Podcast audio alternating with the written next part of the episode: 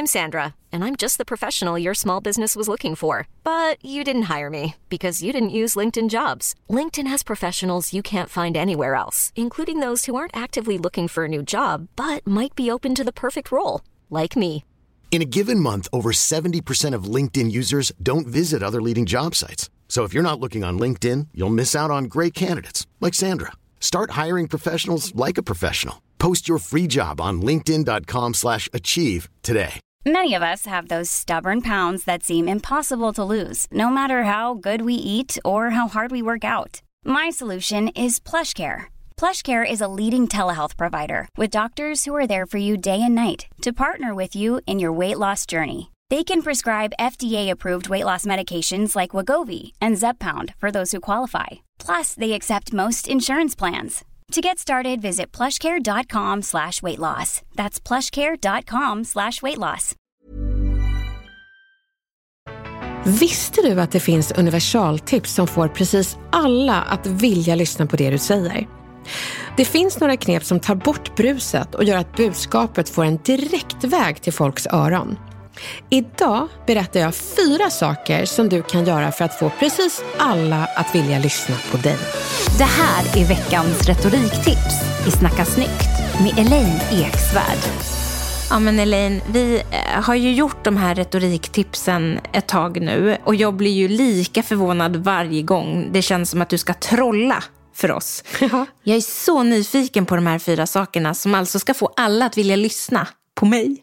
Ja, visst är det härligt. Och det är så enkelt och man kan alltid använda det. Så se till att ha de här fyra sakerna i bakfickan helt enkelt. Strategisk klädsel.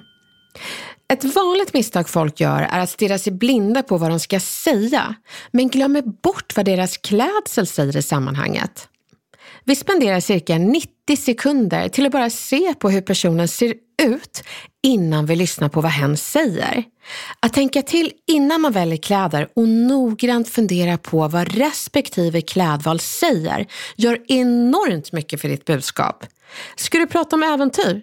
Så kanske du ska välja en tröja från ett äventyr och berätta storyn bakom precis den tröjan som var med dig när du gjorde allt det här roliga. Ska du snacka miljöfrågor kan du göra en Fredrik Reinfeldt och ha en grön ylletröja på dig. Då harmoniserar klädseln med ditt budskap. Det viktiga det är att du förstår att dina kläder talar. Se till att de säger exakt det du vill. Klä dig strategiskt. Se alla i sammanhanget. Många gör missen att de tittar på de som är mest betydelsefulla för dem i sammanhanget eller de som de kan relatera till. Och alla ni män som lyssnar, ni har faktiskt en tendens att titta på varandra mer än kvinnorna i sammanhanget. Det är såklart inte medvetet, men ett fenomen många kvinnor vittnar om. Men oavsett om du är man eller kvinna, ha ögonkontakt med precis alla när du pratar, så kommer du betraktas som både sympatisk och värd att lyssna på. Så det blir en win-win. Gå rakt på sak. Många som tappar omgivningens fokus ger alldeles för mycket bakgrundsfakta och information. De kan liksom snöa in på detaljer och ha lite för långa transportsträckor till mål. Därför kan det vara bra för dig att rubricera snacket så att folk snabbt förstår poängen och det som sägs efteråt. Få folk att snabbt förstå varför du berättar det du berättar. Gå rakt på sak. De gyllene tre känslorna.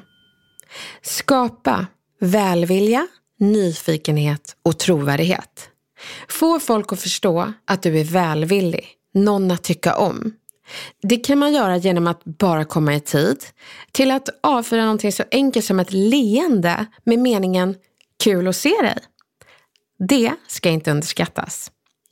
Är det så att sammanhanget kräver att du har viss trovärdighet, så berätta om din, oavsett om du har en utbildning eller kanske en erfarenhet i området du pratar om. Det ger trovärdighet.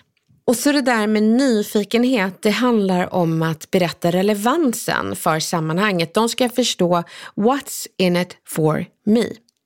Och då är faktiskt punkten rakt på sak, det löser det. Genom att du motiverar för folket att det här är skälet till att ni lyssnar på mig. Det blir liksom rubriceringen av allt du säger. Säg det först och du har då väckt nyfikenhet. Camilla, jag vet att jag sa att det var fyra saker jag skulle ge för att få folk att vilja lyssna. Men jag skulle så gärna vilja ge en bonus också. Ja, men ja. Vi kör en bonus. Var autentisk. Vi människor har någon sorts sjätte sinne för folk som inte riktigt är sig själva, utan som förställer sig till professionella robotar eller klämkäcka coacher.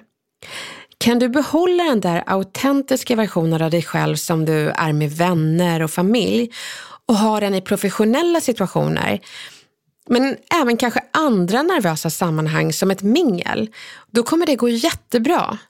Jag vet att jag är helt värdelös på att mingla för jag alltid berättar mer än jag hade räknat med. Det blir liksom en chock för både mig och de jag skrämmer iväg. Men ibland så hittar man en likasinnad och två minuter senare har båda berättat sitt livs historia och skrattar åt hur svag impulskontroll munnen och hjärnan besitter för tillfället. Men det blev bra ändå, för vi ville lyssna på varandra.